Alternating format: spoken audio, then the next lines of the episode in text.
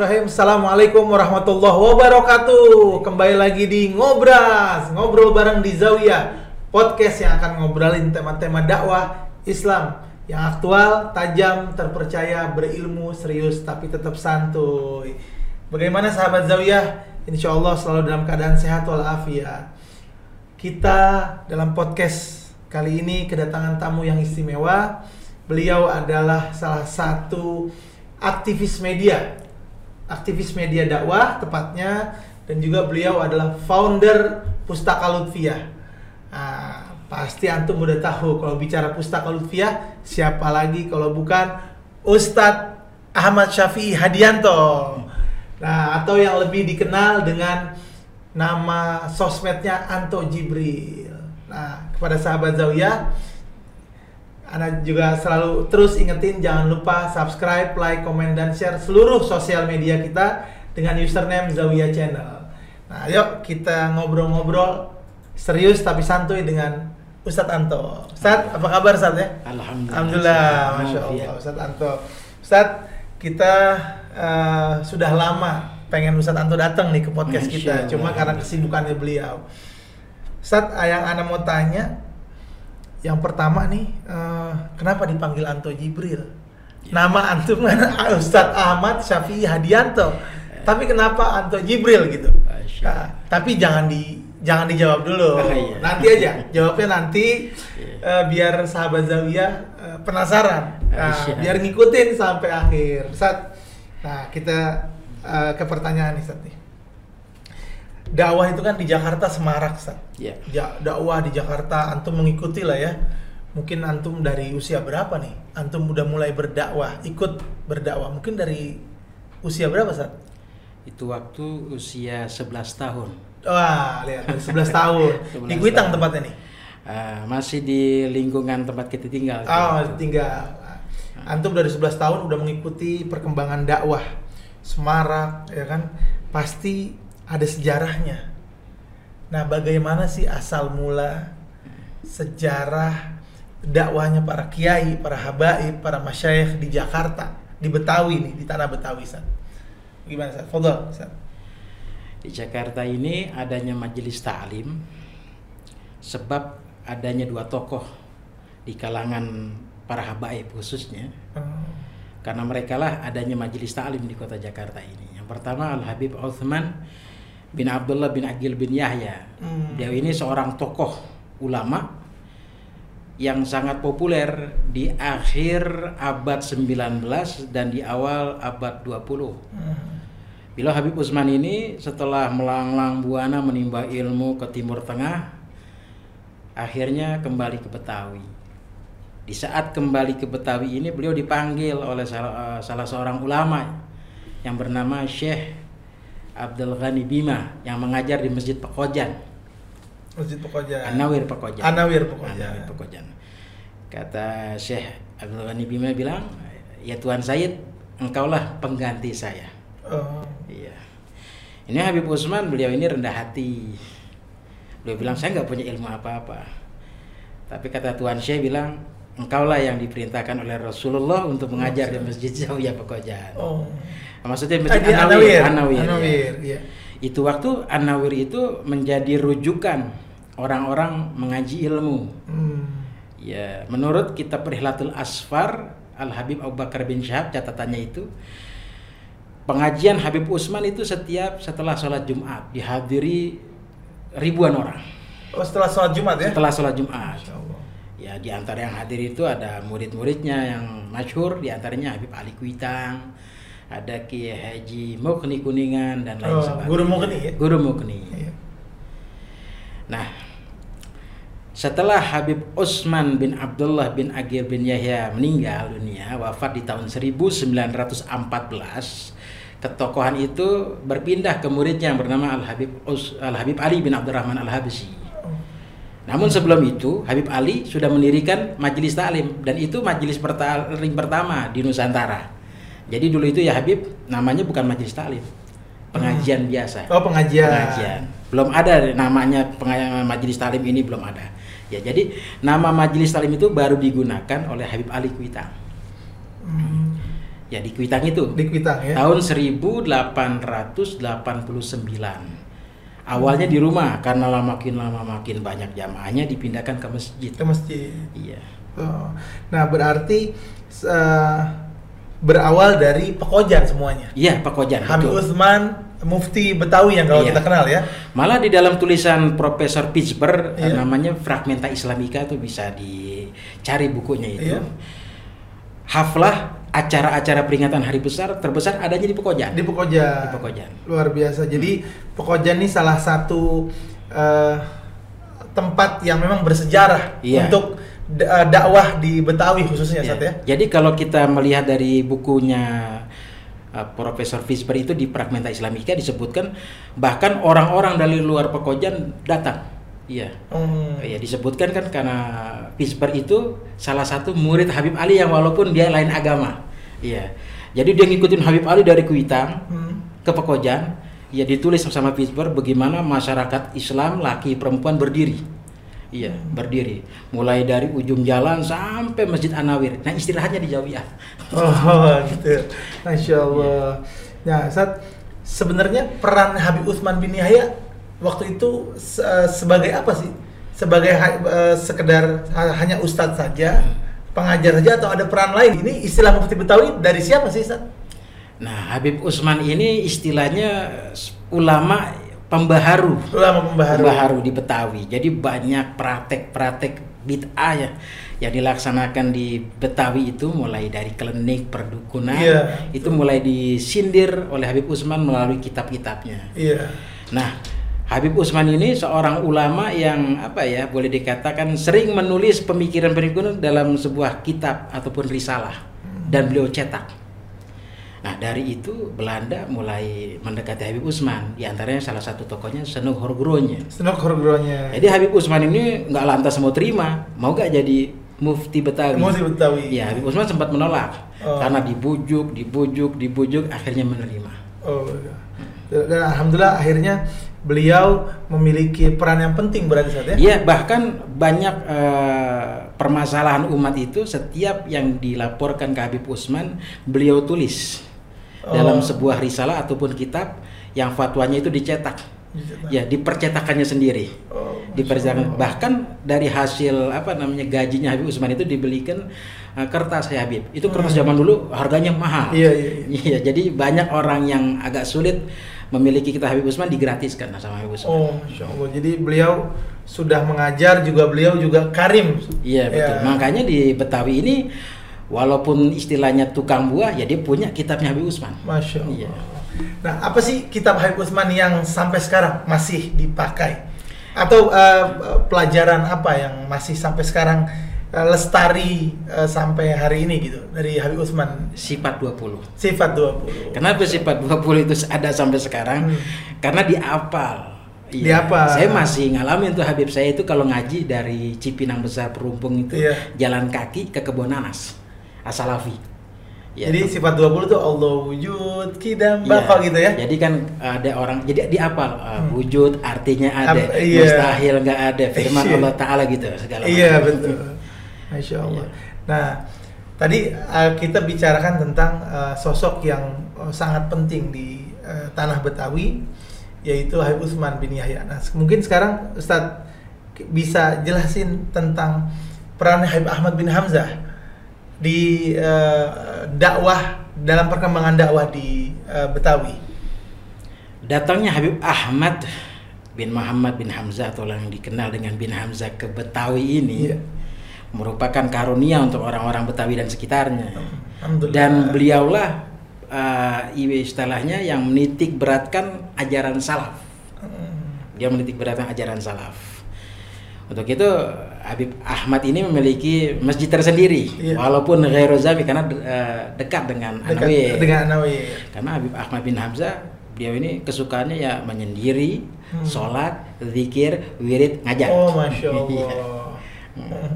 Dan beliau punya satu cita-cita ya Habib, Oh, yaitu mewakafkan tempat masjid ini Hmm. untuk jadi madrasah Betul. dan bermanfaat untuk umat banyak. Dan alhamdulillah sampai hari ini cita-cita beliau terlaksana dan Allah. kita lanjut kita terus lanjutkan kita terus menjadi uh, pelayannya beliau di uh, Zawiyah ini. Nah, Ustaz peran peran apa lagi Ustaz yang antum tahu uh, tentang Habib Ahmad bin Hamzah? Habib Ahmad bin Hamzah ini di saat beliau mengajar pernah terjadi kontroversi dilarang sama Belanda. Oh, begitu. Dilarang sama Ah. Belanda.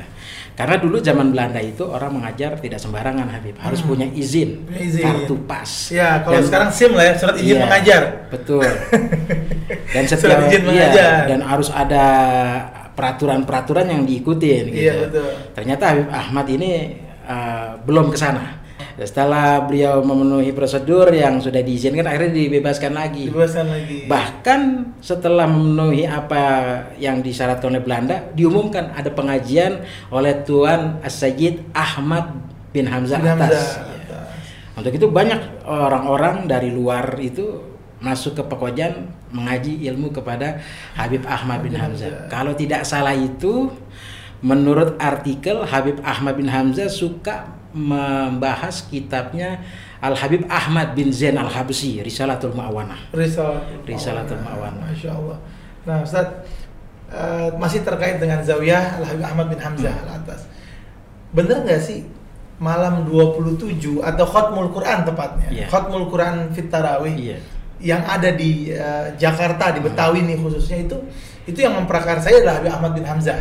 Iya. Nah, bagaimana Ustaz? Karena banyak beredar kan kalau setiap malam ganjil nih Hmm. itu suka beredar tuh informasi Iya. bahwa ma- Khatmul Quran yang memprakarsai adalah Habib Ahmad bin Hamzah. Nah, Iya. bagaimana untuk melihat ini gitu Ustaz? Saya pernah tulis artikel itu di halaman Facebook saya. Oh, jadi akhirnya beredar tuh ya. Iya, Dari mana itu asal muasalnya dulu? Saya kan Iya. Udah hadir di Kuitang dari tahun 87 Habib. Iya betul. Iya, kalau nggak salah inget tuh waktu Habib Abdul Gadir bin Ahmad Segaf Jeddah datang itu saya udah di Kuitang. Hmm. Nah, saya sudah ikutin tuh acara Kuitang, termasuk Khatmil Quran malam 25. Di saat malam 25 itu, Habib Muhammad Kuitang selalu memberikan ceramahnya, ah, istilahnya sejarah malam 25. Oh, malam Ya, 25. 25 ini izinnya dari mana? Mm-mm. Ternyata dari Habib Abdullah bin Moksin. Iya, Empang Bogor. Empang Bogor. Betul, Karena Habib iya. Abdullah bin Moksin ini yang memegang mandat Khatmil Quran di tanah Betawi dan Pulau Jawa. Masya Allah. Iya. Awal Masya muasalnya, Allah. iya. Allah Sallallahu Muhammad. Sallam. Allah. Kata Habib Muhammad bin Ali Al-Habsyi, awal muasalnya adanya di Pekojan katanya. Oh, Iya. Habib Muhammad bilang nih, Habib Iya, Muhammad Habib Al-Habsyi. Muhammad Al-Habsyi bilang Ya. awal muasalnya ada di Pekojan. Yang memegang hingga akhir hayat penuh ialah Habib Abdullah bin Muksin atas. Setelah itu dibawa ke Empang jadi malam 21 atau malam satu likur. Oh, itu bahasa malam satu likur itu bahasa Bahasa orang Bogor, Jawa. Ba- Oh, orang Bogor satu likur. Oh, 21 ya? 21. Iya, iya, iya. Nah, setelah itu Habib Ali bin Abdurrahman Al-Habsyi ingin mengadakan hal serupa. Khatmil Quran. Habib Ali nih, Habib Bin Ali, abahnya Habib Muhammad ya? Iya. Pendiri Majelis Kuita. Betul. Setelah itu ditunjuklah oleh Habib Abdullah bin Muksin malam 25. Hmm. Setelah Habib Ali kita mengadakan malam 25 ini banyak murid-muridnya nih, Beb. Iya. ngadakan. Iya, Habib. Ali Kuita kan banyak muridnya ya? Iya, eh, jadi ngadakan malam 17, malam 16 segala macam. Betul. Hingga akhirnya kata Habib Ali Kuita harus tertib. Iya. Hmm, harus betul. tertib. Awal di Bogor, hatamnya di Pekojan. Oh, malam 27 gitu ya? Iya. Oh. Jadi semua keliling dari awal begitu. Oh, oh, oh. Iya. Nah, malam 27 berarti benar yang memprakarsai Habib Ahmad bin Hamzah? Iya, Habib Ahmad bin Hamzah. Masya Bahkan ada orang yang waktu itu ribut. Ini Hmm. terawihnya kok beda nih. Kok begini Oh, terawih modelnya iya, iya, gitu. iya, Akhirnya iya. orang ini ngadu ke Habib Usman. Ngadu ke Habib Usman sampai Habib Usman itu membuat risalah. Habib Usman Mufti Betawi Mufti ya? Betawi. Iya, biar sahabat Iya. Zawiyah tahu Habib Usman Mufti Ada Betawi. sebuah risalah itu tentang terawih Khotmil Quran. Mm-mm. Ya, dan Habib Usman di kitab itu betul ini di Hadromut ada, ini salaf juga ngajarin begini gitu. Masya Allah. Jadi luar biasa ya sampai sekarang terus lestari dan makin berkembang, makin banyak yang ingin hadir. Dan kemarin juga kita berasa di Zawiyah waktu malam 27 itu itu orang sudah rindu semua karena kemarin pandemi nggak dibuka. Nggak dibuka orang nggak boleh banyak bikin nggak boleh berkerumun. Akhirnya pas malam 27 kemarin masya Allah itu orang rindu sekali dengan khatmil Quran kita. Jadi kalau saya dari dulu nih Habib Iya. melihat eh, khatam Quran ini dari dulu saya ini Iya. yang paling rame itu ya 21, 25, puncaknya 27. 27. Iya. Malah Malah tiga alhamdulillah ramai juga tapi. enggak dulu-dulu kita Oh, dulu puncaknya belum. nih, puncak-puncak khatam. Oh, puncak khatam. Ya, Malah Iya. kalau di Pekojan ini kita bisa makan di beberapa tempat. Yang ini buka, yang betul. ini buka, yang betul. ini buka. Masya Allah. Tapi Ustaz Anto kemarin nggak datang ya malam 27. Iya. Nah, insya Allah harus tahun tahun Insya depan ya harus Allah. datang. Harus ada, harus datang. Jadi masya Allah ini sangat-sangat hidup malam 27 di sini. Iya. Dalam arti hidup itu semua orang ingin mendapat keberkahan dari Habib Ahmad bin Hamzah. Iya. Semua rumah-rumah eh, membuka pintunya, semua memberikan yang terbaik untuk jamaah. Tapi yang saya senang itu Habib kalau dulu itu kita sholat itu bingung. iya. Anawir sholat dulu, Habib Ahmad Zawiyah sholat Iya. belakangan. Jadi Allah Akbar, Allah Akbar. Nah. Nah, sekarang itu sudah beberapa tahun sebelum pandemi, Alhamdulillah. itu nyambung. Nyambung. Sampai sekarang juga nyambung. Iya. Alhamdulillah. Jadi benar-benar eh, eh, imam di zawiyah Iya. itu makmum sampai keluar anawir. Ke anawir itu di full di anawir. Iya. Kemarin kita sudah beberapa tahun ini alhamdulillah. Dan jadi eh, kalau menurut anda jadi malah em, sejarah Pekojan itu hidup kembali karena adanya malam 27 yang bersama-sama itu. Iya, karena kita kalau di Pekojan itu yang kita tunggu doa fusul. Doa fusul. Iya, saling bergantian habaib zaman dulu kita ngalamin Habib Abdullah Syami Betul. baca di awal, Iya. nanti doa birrul walidainnya bisa Habib Abdurrahman Kuitang Iya, biasanya. biasanya begitu ya. Biasanya gitu. Masya Allah, masya Allah. Nah berarti eh Habib Abdullah bin Musin lah yang pegang istilah tongkat estafet untuk Iya. memimpin itu ya. Betul. Untuk khutbul Quran. Jadi masya Allah, alhamdulillah kita dengar dari narasumbernya langsung nih sahabat Zawiyah. Jadi eh, ternyata ya, salah satu yang eh, memviralkan informasi ini adalah antum juga di Iya, Facebook ya. Karena saya punya, karena dulu setiap ke Kuitang itu Heeh. kita itu sampai kata orang tua, lu ke Kuitang bukan bawa berkat malah bawanya tip kaset katanya. Oh gitu. Berarti antum itu ya apa rekam? Ya? Rekam, ah, masih ada rekamannya, Bib, sekarang masih ada rekamannya. Masya Allah, alhamdulillah. nah terusnya juga ada satu.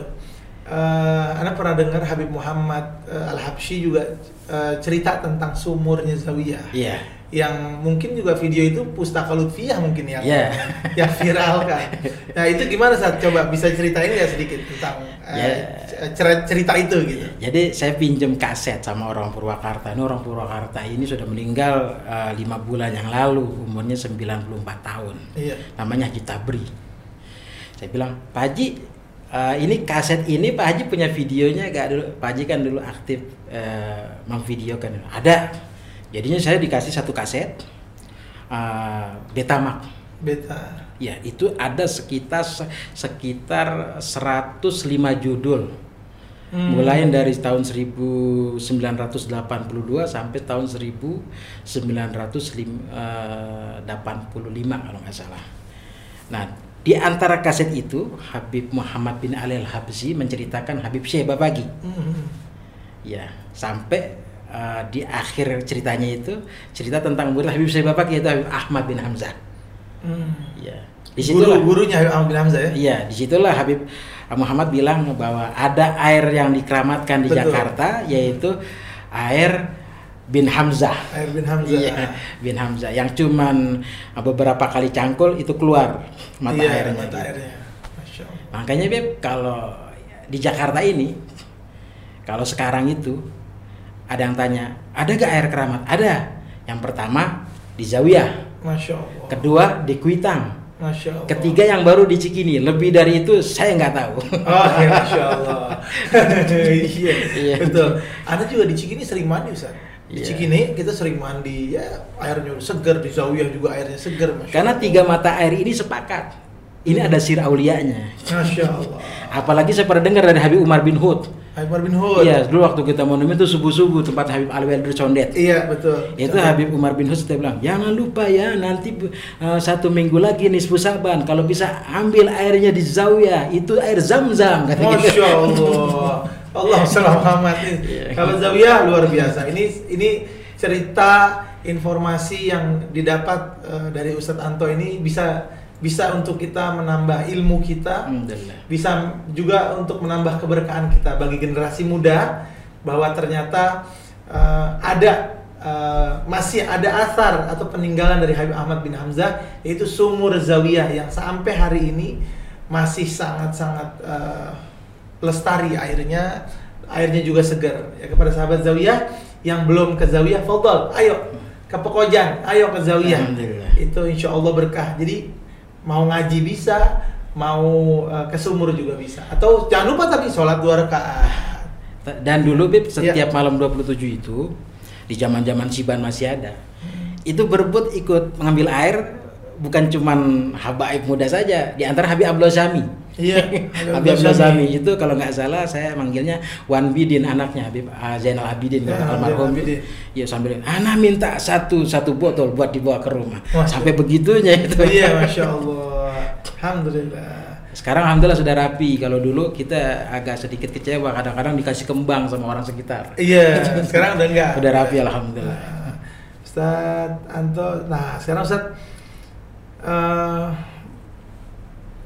kalau kita bisa bilang gini terkait dengan eh, eh, Habib Usman, lalu Habib Ahmad bin Hamzah, lalu Habib ah, Habib Ali. Nah Habib Ali ini sepertinya eh, memiliki eh, pengaruh yang sangat besar di Jakarta. Masya Allah. Habib Ali bin Abdurrahman. Habsyi. Bisa nggak dibilang bahwa majelisnya beliau nih Majelis Talim, kan kita bicara Majelis Talim di Betawi nih. Hmm. Majelis Talim yang salah satu Majelis Talim terbesar di Betawi, di Jakarta, betul nggak? Ya, Kuitang. Kuitang. Kuitang. Kenapa terbesar? Iya. Karena eh, majelis talim itu waktu peresmiannya Habib Usman itu datang. Wah, Datang. Guru beliau langsung datang Iya, ya. kan tahun 1889 Habib Usman datang. Sampai ngadiakan sebuah mikrofon, Beb. Hmm. Iya, mikrofon. Jadi Habib Usman tuh banyak dihadiahkan sama Belanda mikrofon dikasih ke Habib Ali bin Abdurrahman. Habib Ali bin Abdurrahman. Iya. Masya Allah. Jadi salah satu betul ya yang terbesar ya. Is- Iya. Makanya dinamakan Islamic Center. Ya, itu de- eh, dulu sudah ada dari tahun 50-an namanya The Islamic Center. The Islamic Center. The Islamic Center. Itu eh, salah satu yang ana rindu dari Kuitang itu adalah kalau haul.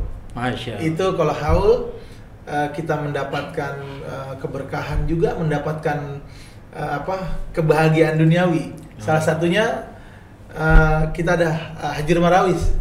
Iya betul Hasan. Betul. Hajir Marawis. Jadi kita eh, mendapatkan keberkahan eh, duniawi wa ukhrawi di situ. Eh, gimana Sat? Jadi begini, Bib. Ya, Kalau sejarahnya tuh ada Hajur Marawis, ada apa gitu. saya mau agak sedikit eh, kawal dulu. Kalau istilah sekarang itu kan ada namanya live streaming. Live streaming. Live streaming. Iya. Ah, dulu itu live streaming itu istilahnya siaran langsung. Siaran langsung. Di zaman Habib Ali sudah ada siaran langsung. Itu radio ya? Di radio ah, namanya. Ingat banget tuh, masya Allah. namanya Dia- Radio Nirom sebelum Radio RRI. Iya, radio di zaman RRI. Belanda. Betul. Ya tahun 1920 Habib Ali majelisnya mulai di relay di Radio Nirom. Hmm. Itu jangkauannya sampai eh, Filipin. Dahsyat ya. Itu tahun itu ya. Tahun itu Tahun sejauh- itu. jangkauannya sudah sampai Filipin.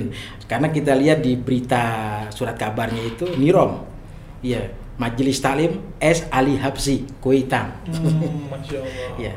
Bahkan dari itu Habib Ali eh, menyebarkan dakwahnya itu ke mana-mana sampai beliau mendapat mandat Maulid Akhir Kamis. Iya, maulid akhir kami. Ya, yang awalnya itu diadakan di depan Masjid Al Makmur, lalu ada Robitoh muncul di tempat Jamiatul Khair Iya. hingga dipindahkan tahun 1937 di Masjid Kuitang. Hmm. Nah ini Habib Ali Kuitang sampai beli rumah Habib banyak puluhan Hmm. rumah buat nampung tamu-tamu dari Hadromo, Dari dari, mana ya? Zanzibar, dari mana-mana supaya nginep. Nah dari itu Habib Ali bikin acara tujuh hari tujuh malam. Oh, itu asal muasal Iya. itu ya antum cerita nih ya Iya. asal muasal asal muasal. Nah sampai-sampai itu Habib Ali bikin acara istilahnya supaya orang nggak nggak jenuh, dibikinlah hiburan seperti Hiburan. gambus, Gambus, Hajir Marawis, ya? Hajir Marawis. Bahkan ada yang protes ngapain sih Maulid pakai gambus-gambus segala Oh. gitu. Iya. Iya, iya. Sampai akhirnya Habib Ali tidur, tidur, Hmm. tidur siang lah gitu segala macam. Entah itu mimpi, entah langsung beliau dibangunkan sama Hmm. Rasulullah. Allah. Ya Alwi bangun, ente ke Kuitang. Apa yang dilakukan Ali Habsi itu sudah redo aku. Oh, masya Allah. Sampai-sampai Habib Alwi itu hadir ke Kuitang, malamnya duduk di acara gambus. Orang semua kaget. Wah Habib Alwi anti gambus, dia duduk gambusan. Oh, Masya Ya. Allah. Jadi ada yang nanya, ya Habib Alwi kok antum gambusan? Iya, kalau ente mau aneh datang, ente harus jadi Ali Habsi. Oh gitu. Iya, iya, iya. Jadi harus jadi tuan rumahnya ya? Iya, maksudnya kalau ente mau ngadain gambusan, ente harus jadi kayak Habib Ali Al Habsyi Iya. yang ibadahnya masya Allah, Masya Allah. yang ini masya Allah segala macam. Betul betul. Nah Ustaz, nah, tadi kita cerita tentang eh, Habib Utsman juga, Habib Ahmad bin Hamzah, lalu Habib Ali Al Habsyi. Nah selain eh, tokoh-tokoh habaib ini di Betawi, eh, siapa tokoh eh, kiai ulama Betawi yang juga punya peran penting di masa itu untuk perkembangan dakwah di Betawi? Ya di antaranya atau murid-muridnya mungkin ya murid-muridnya Habib Utsman atau muridnya Habib Ali gitu tokoh kiai atau ustadz atau ulama dari kalangan Betawi Iya. gitu. Minal Muhibbin di antaranya itu Guru Marzuki, Guru Marzuki Kiai Haji Ahmad bin Mirsad. iya, Ahmad Marzuki bin Iya, Mirsad dari Rawabunga atau Rawabangke ting- lalu pindah ke Muara. Beliau mempunyai pengaruh besar. Dan beliau memiliki murid tidak banyak tapi semuanya jadi kiai. Jadi pembesar-pembesar kiai di Betawi, Kiai Nur Hmm. Ali, Kiai Ahmad Mursidi, Kiai Abdul Syafi'i. Setiap apa yang beliau utarakan, muridnya ikut. Dan Hmm. beliau minal muhibbin Habib. Masya Allah Ya, bahkan itu ada seorang kiai yang istilahnya itu eh, nggak senang dengan pemikiran Habib Usman dia bikin kitab. Hmm. Sayangnya Habib Usman udah meninggal. Hmm. Jadi Habib Usman ini kalau dikritik itu dijawab sama Habib Usman. Nah, Habib Usman yang udah meninggal dikritik. Nah, muridnya yang jawab. Eh, Oh, muridnya yang ya, jawab. muridnya kalau nggak salah kitabnya eh, Fadlur Rahman gitu. murid ini Habib Guru Marzuki Guru Marzuki murid Habib Iya, Usmannya, ya. iya, Jadi iya. beliau itu uh, tulis segala macam gitu atas kecintaan kepada gurunya dan seorang cucunya Nabi Muhammad. Hmm, Masya Allah Iya. Dan selain Guru Marzuki ada lagi yaitu Guru Mukni di Kuningan. Guru Mugni Nah, beliau murid Habib Usman, suka ngaji. Hmm, iya. Bahkan beliau itu menjadi rujukan kalau ada hadis-hadis ini yang di apa gitu, beliau menjadi rujukan ditanya ke sana. Hmm. Nah, ada lagi di antaranya uh, Guru Mansur Jembatan 5. Guru Mansur eh, njitnya Ustaz Yusuf Mansur Iya betul, Guru Mansur. iya di sini jembatan lima Ya jembatan 5 tuh. Betul. Dan ada lagi Tuan Guru Mujib bin Saabah Tenabang. oh Dia yang menciptakan salawat dustur. Jadi kalau di Betawi ini eh, sebelum pengajian tuh ada salawat dustur. Hmm. Nah, setelah yang Bib Mustafa biasanya salawat dustur. Nah, beliau yang ciptakan. gimana saat salawat Gustur tuh Yang apa ya? bunyinya bunyinya Allahumma salli wa sallim Ya. wa zid wa azim wa Oh, iya, iya, iya. terus begitu ya. Iya iya tahu, tahu. Masya Allah. Terus jadi, tuh ya lestari. jadi ya. tertibnya orang dulu itu, Beb, Ah, ulama datang, guru datang itu sudah ditertibkan sama Habib Ali Kuitang. Iya. Jadi sebelum beliau tuh kalau datang itu langsung beliau duduk langsung ya Rabbi bil Mustafa, Mustafa. gitu. Sudah selesai Rabbi bil Mustafa itu kan jamaah buka kitab. Nah, supaya tenang dibacakanlah yang namanya salawat dustur. Oh, masya Allah. Iya. Salawat Gustur, masya Allah. Jadi- Barulah mulai iftitah segala macam, mulai baca kitab gitu. Iya iya iya iya iya. iya. Masya Allah. Jadi ada guru Marzuki, ada guru Mughni, Hmm. ada siapa tadi Ustaz? Guru Mansur. Guru Mansur, masya Allah. Dan masih banyak berarti, masih banyak lagi tokoh-tokoh kiai ulama pasti yang uh, memiliki peran penting dalam Iya. dakwah. Dan masa itu kalau sudah dipanggil tuan guru berpengaruh. udah berpengaruh. Iya, berpengaruh. Iya, kalau udah tuan guru pasti berpengaruh. Berpengaruh. Masya Allah.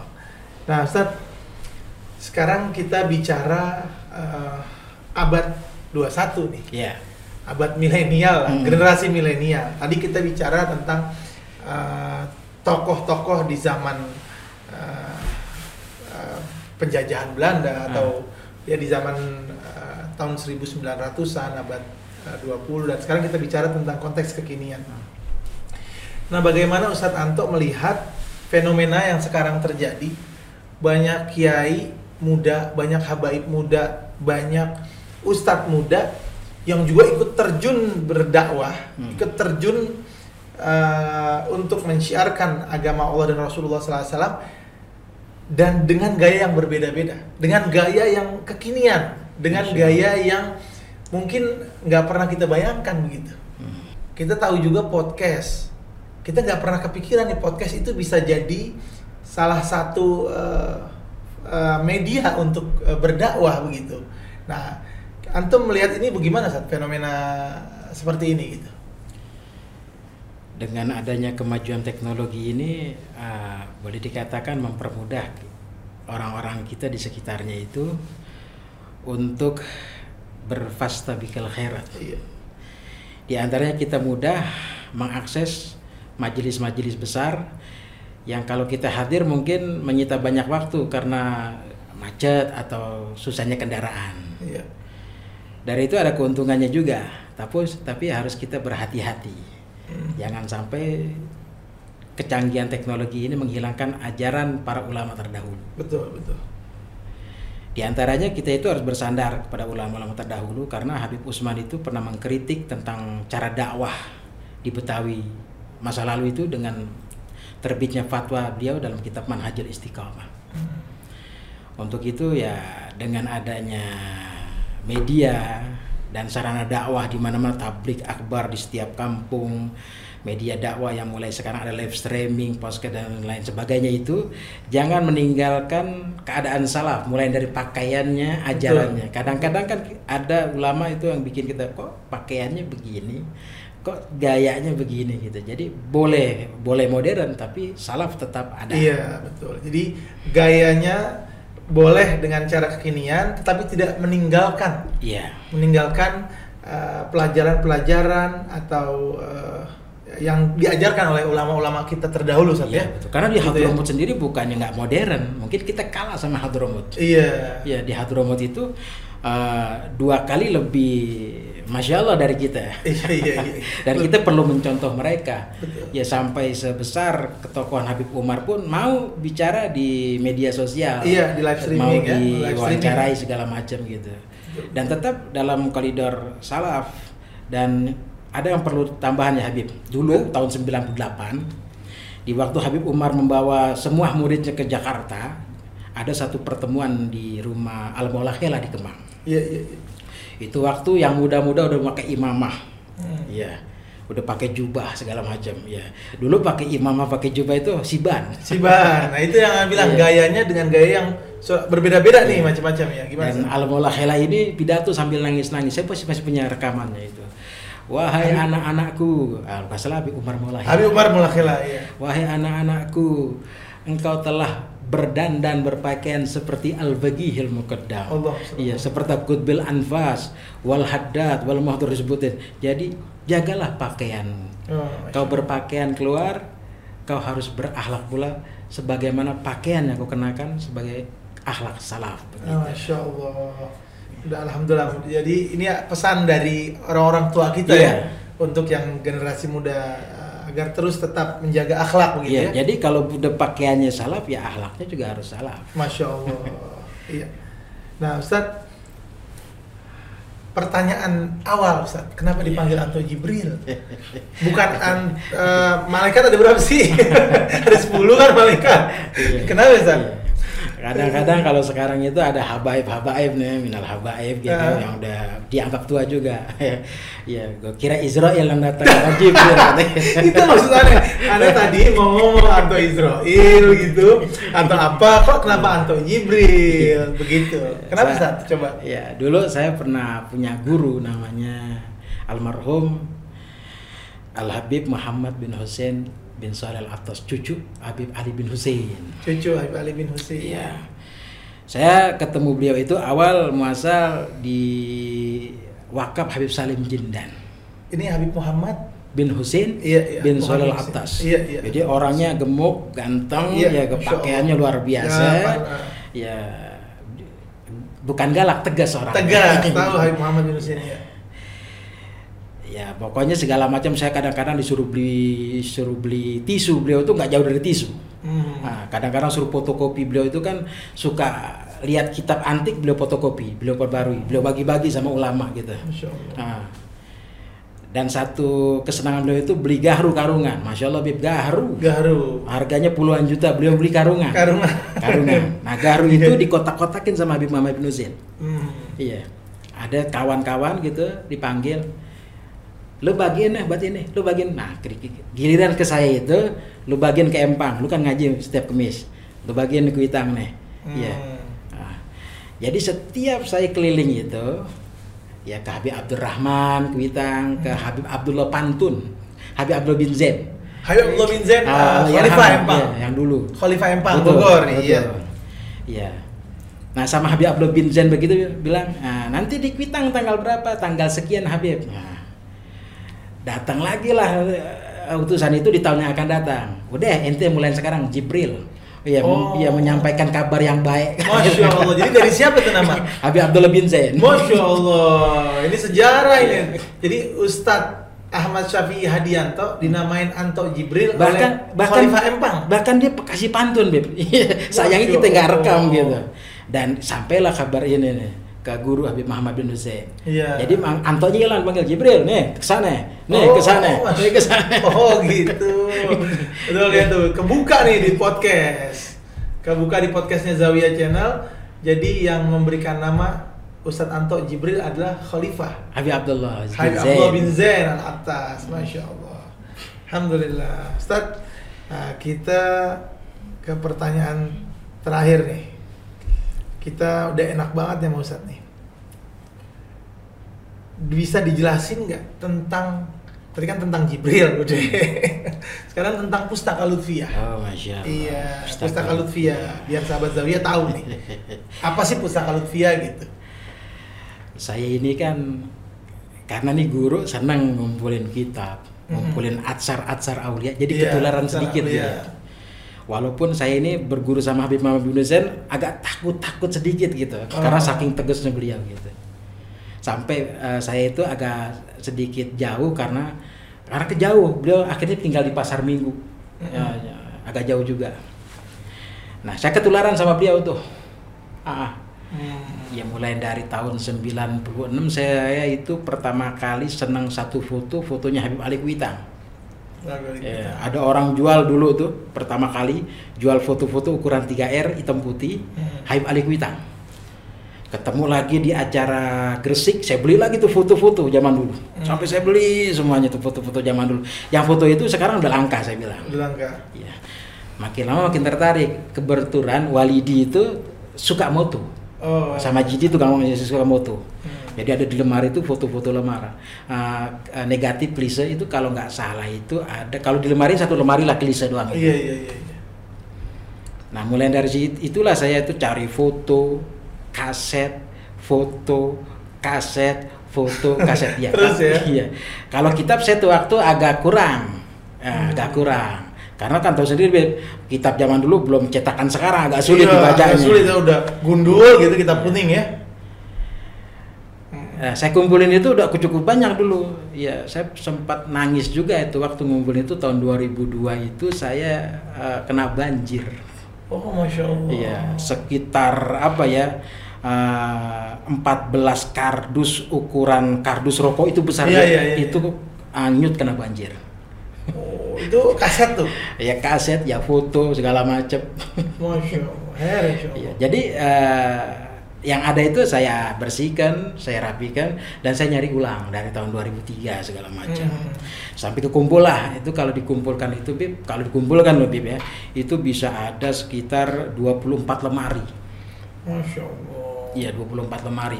Mulai dari film itu roll film zaman dulu itu Iya, iya, yang roll 8 mm namanya 8 Iya. mm, 16 m tuh kalau 16 m itu biasanya layar tancap tuh. Iya, layar tancap. Iya, Iya, 16 m tuh. buat jadi- besar itu. Iya, itu saya kumpulkan tentang habaib. Mm. Ya, tentang habaib tentang kiai.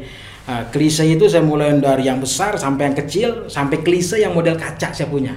Ah, Hmm. ah, foto se- seorang fotonya itu Habib Usman bin Yahya. Hmm. Ya makanya saya lagi cari buat nyucinya ini di mana. Jadi Habib Usman bin Yahya foto sama Habib Ali Kuitang di depan Masjid An-Nawir. Oh. Iya. Dan klise-klise banyak eh, juga saya dapatkan itu. Dan sampai sekarang saya masih nyari. Masih nyari eh, tentang Iya, sejarah sejarah. ya. Oh, Dan ini- saya da- dan saya dapatkan juga video-video mulai dari video Betamax, ya, Betacam, VHS, Iya. ya. Jadi inilah eh, fokus utamanya Pustaka Lutfiyah itu Iya. ya. Dan saya agak kesulitan, agak kesulitan juga di, di saat eh, teknologi sudah mulai canggih. Oh, Oke. Ya. Teknologi sudah mulai canggih, eh, player-player videonya itu mulai menua. Hmm. Sampai-sampai saya kalau agak rusak itu saya harus cari ke Bandung, Beb. Oh gitu. Iya, harus ke Bandung. Yang baru bukannya nggak ada, ada harganya puluhan juta. Oh, Ya, mahal kayak- ya. Agak lumayan mahal. Jadi pernah salah satu uh, tim Zawiyah ini saya panggil ke rumah. Oh iya iya iya iya. iya, iya. itu orangnya lagi uh, itu ya, Iya. ada operator tuh ya. Untuk mentransfer Iya. dari video Betamax, Iya. uh, istilahnya digitalisasi. Digitalisasi lah. Saya kasihan liatinnya gitu, seharian cuma dapat berapa ya gitu. Oh, iya iya iya iya. Iya, ternyata urusan begitu aja bu memakan waktu. Betul. Iya. Untuk waktu untuk itu saya stop juga, kasihan juga gitu. Iya, iya, iya. Memang itu penting itu. Jadi dari beta Hmm. dipindah ke sekarang ke digital ya. Iya. Iya itu penting sekali untuk terus bisa di, di apa disimpan Iya. gitu ya. Bahkan saya punya video yang sampai sekarang belum saya viralkan. Oh, ya apa viral kan. Nah, itu video Soekarno waktu naik haji pertama kali. Dia undang habaib kiai ke istana. Jadi ada baca ratibnya juga Habib di istana. Masya Allah. Iya. Mudah-mudahan terus. Iya, jadi itu Iya. saya pernah uh, beberes yayasan Ida Ayu. Mm-mm. Yayasan Ida Ayu saya beberes. Ada dua kaset, saya bilang, wah ini video Bung Karno nih, ada perkumpulan haji, boleh saya minta satu karena ada dua, iya, Ah, ambil satu, iya. Akhirnya saya cari player, player, player, ada gambar Habib Ali masuk ke istana sama rombongan Habaib. Itu video apa foto? Video. Video. Video. Oh, Masya Allah. Luar biasa. Ini Pustaka Lutfiah harus kita dukung. Amin. Iya, mudah-mudahan insya Allah terus bisa menjadi garda terdepan. Bahkan saya pernah usul, Bib, sama organisasi terbesar Alawiyin Iya, bahwa mereka itu harus punya satu wadah. iya. Yang satu wadah itu ada tempat perpustakaan dan Iya. arsip Betul. para tokoh Alawiyin dan Muhibbin Betul. dari Palangan Masaiyah. Betul. Sayangnya uh, belum ada tindak lanjut. Iya, mudah-mudahan insya Allah nanti uh, bisa uh, terlaksana. Ya, sampai mereka pernah berkunjung ke kita punya rumah. Iya, iya. Kita bilang, mumpung saya masih hidup. Insya Allah. Insya Allah panjang umur. Amin. Panjang umur sehat walafiat. Karena kadang-kadang berkah gini, rezekinya. karena kadang-kadang begini, Beb. Uh, nyari yang begini istilah orang Betawi capek juga. Oh iya, Ya, capek tenaga, Iya. nguras Cap- pikiran, nguras capek kantong, biaya. Iya, biaya. Iya, nguras kantong, nguras biaya, semuanya. Karena itulah berdakwah. Berdakwah itu berjuang. Berjuang itu ya keringat, darah, air mata, semua deh. Dan kenapa saya namakan Pustaka Lutfiah? Saya ini sudah namakan Pustaka Lutfiah, saya izin Lutfiah itu kan nama istri saya. Oh gitu, itu sejarahnya tuh. Kata Habib Bagir Mauladawi lah. eh, Lutfiah, ya itu singkatan dari Lutuf wal Afiyah. Oh masya Allah. Habib Bagir Mauladawi lah Malang itu. Malang, Malang. Nah, dari situ kenapa saya pakai Pustaka Lutfiah? Karena saya ini kan Habib tahu sendiri saya khidmat di salah satu majelis besar. Iya, iya. Majelis Habib Ali Kwita. Ya, jangan sampai nanti setiap apa yang saya publikasikan baik di YouTube dan di akun lainnya itu Iya. ada berkesalahan Iya. ya merembet ke majelis yang saya khidmat. Iya betul. Ya, jadi saya pengen kalau ada apa-apa biar pustaka Lutfiahnya aja Iya gitu. betul. betul. Insya Allah mudah-mudahan nggak ada ininya. Insya, Insya Allah semuanya. Insya Allah. Nah, Ustadz harapan untuk eh, Zawiyah Iya. dari Ustadz, Fadol gimana? Saya ingin majelis eh, seperti ini, Zawiyah nih, podcast Zawiyah ini berkembang ke depannya amin. itu bukan hanya eh, dialog interaktif seperti ini aja, Habib. Iya. Tapi ada seperti buka kitab. Oh penting itu. Iya, buka kitab. Saya lihat itu Habib Umar bin Hafid. Ya di YouTube itu kalau lagi buka kitab itu di bawahnya itu ada sedikit gambar tentang kitab halaman berapa dan apa yang dibaca. Eh, Ya, itu penting juga Habib. jadi di Ya, studio itu buka kitab ya? buka kitab. ya. Masya Allah. Boleh. Jadi dulu itu saya pernah kerja Hmm. istilahnya uh, reparasi kaset. Ah, reparasi Iya di kaset. tempat diskotografi ya radio radio yang manggil saya mau radio dangdut mau radio dakwah Iya, biasa iya. kalau kaset rusak kusut panggil Iya. saya tuh Oh begitu. Iya. Radio dangdut Iya. juga manggil ya? nah ada satu radio di Jakarta ini Habib tahu nih radio yang di Bali Matraman itu Iya betul. itu ada satu acara namanya uh, baca Al-Quran kiroah Al-Quran bit telepon Oh Bitalifon. Ya, itu bisa kita contoh dari mereka itu. Ada baca Al-Quran kita panggil ustadz yang memang bisa menjelaskan salah satu kitab dan nanti uh, ada orang bertanya di minggu selanjutnya. Oh Ya, iya. Kitab apa jangan usah besar-besar Bib. Iya, iya. Kita nih orang-orang yang haus ilmu. Iya. Ya, lagi pengen orang ngulas lagi masalah gimana caranya mandi hadas besar. Oh, iya, yang itu Gimana ya. caranya wudhu, Betul. gimana cara sholat yang benar. Gitu kan Ya, ada tuh kitab-kitab eh, Melayu Irsadul Iya, Anam. Irsadul Ya, Anam. gimana kita meningkatkan lagi Irsadul Anam. Oh, kalau Irsadul Anam terlalu panjang ya udah istilahnya eh, Risalatul Jami yang singkat. Oh, Risalatul Jami kesingkatan. Ya udah Safinatun aja. Tapi satu aja. Iya, pokoknya kitab-kitab yang tipis Iya, iya. yang banyak diperlukan masyarakat Betul, sekarang. itu. Karena alafu ya Habib. Iya. Sekarang itu banyak kajian terlalu tinggi. Ah, itu. Karena kan set- ya orang yang megang handphone ini nggak semuanya orang ngerti agama. Betul, iya. Iya. Dari Bah- berat berbagai latar belakang yang berbeda-beda. Iya, bahkan anak kecil sekarang udah megang handphone. Iya. Nah, bagaimana itu supaya Zawiyah ini supaya bisa lah gitu Iya. mengadakan satu kajian Hmm. ya yang standar-standar aja gitu. Iya, iya. Seperti bab wudhu, ya bab sholat, handi hadas segala macam karena yang kecil-kecil juga supaya bisa Betul. dengar juga. Amin, insya Allah.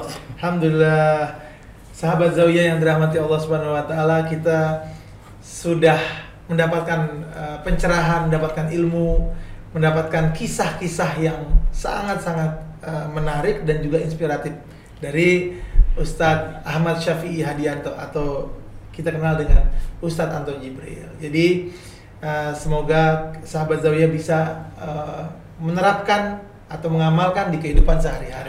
Karena ini penting, sejarah ini itu adalah uh, sangat-sangat penting bagi kita generasi muda.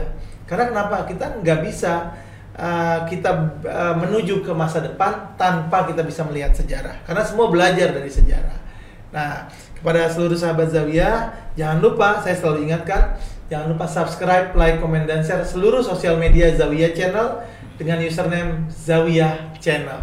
Dan jangan lupa, ini yang penting, scan barcode-nya Zawiyah berbagi. Karena kenapa? Ini amalan yang akan terus bisa membawa antum ke surganya Allah Subhanahu wa taala. Uh, berbagi kepada uh, orang-orang melalui Zawiyah berbagi. Ya bersedekah. Nah, scan barcode-nya di sini atau di mana? Ah, dan nanti deh lihat aja deh atau di atas atau di bawah. Nanti biar tim yang kasih barcode-nya. Baik, Ustaz Anto, Lebih. kita ada yel-yel nih. Sebelum kita Ah. tutup, kita ada yel-yel. Jadi itu yang penting Ah. agar kita terus semangat dengan yel-yel ini. Ah. Nah, kalau anda bilang zawiyah, disebutnya mendunia. Mendunia. Bisa saat ya? Insya Allah. Ayo sahabat Zawiyah diikutin ya. Bismillahirrahmanirrahim. Zawiyah Mandunia. Zawiyah Mandunia. Zawiyah Mandunia. Pustaka. Insya Allah. Wassalamualaikum warahmatullahi wabarakatuh.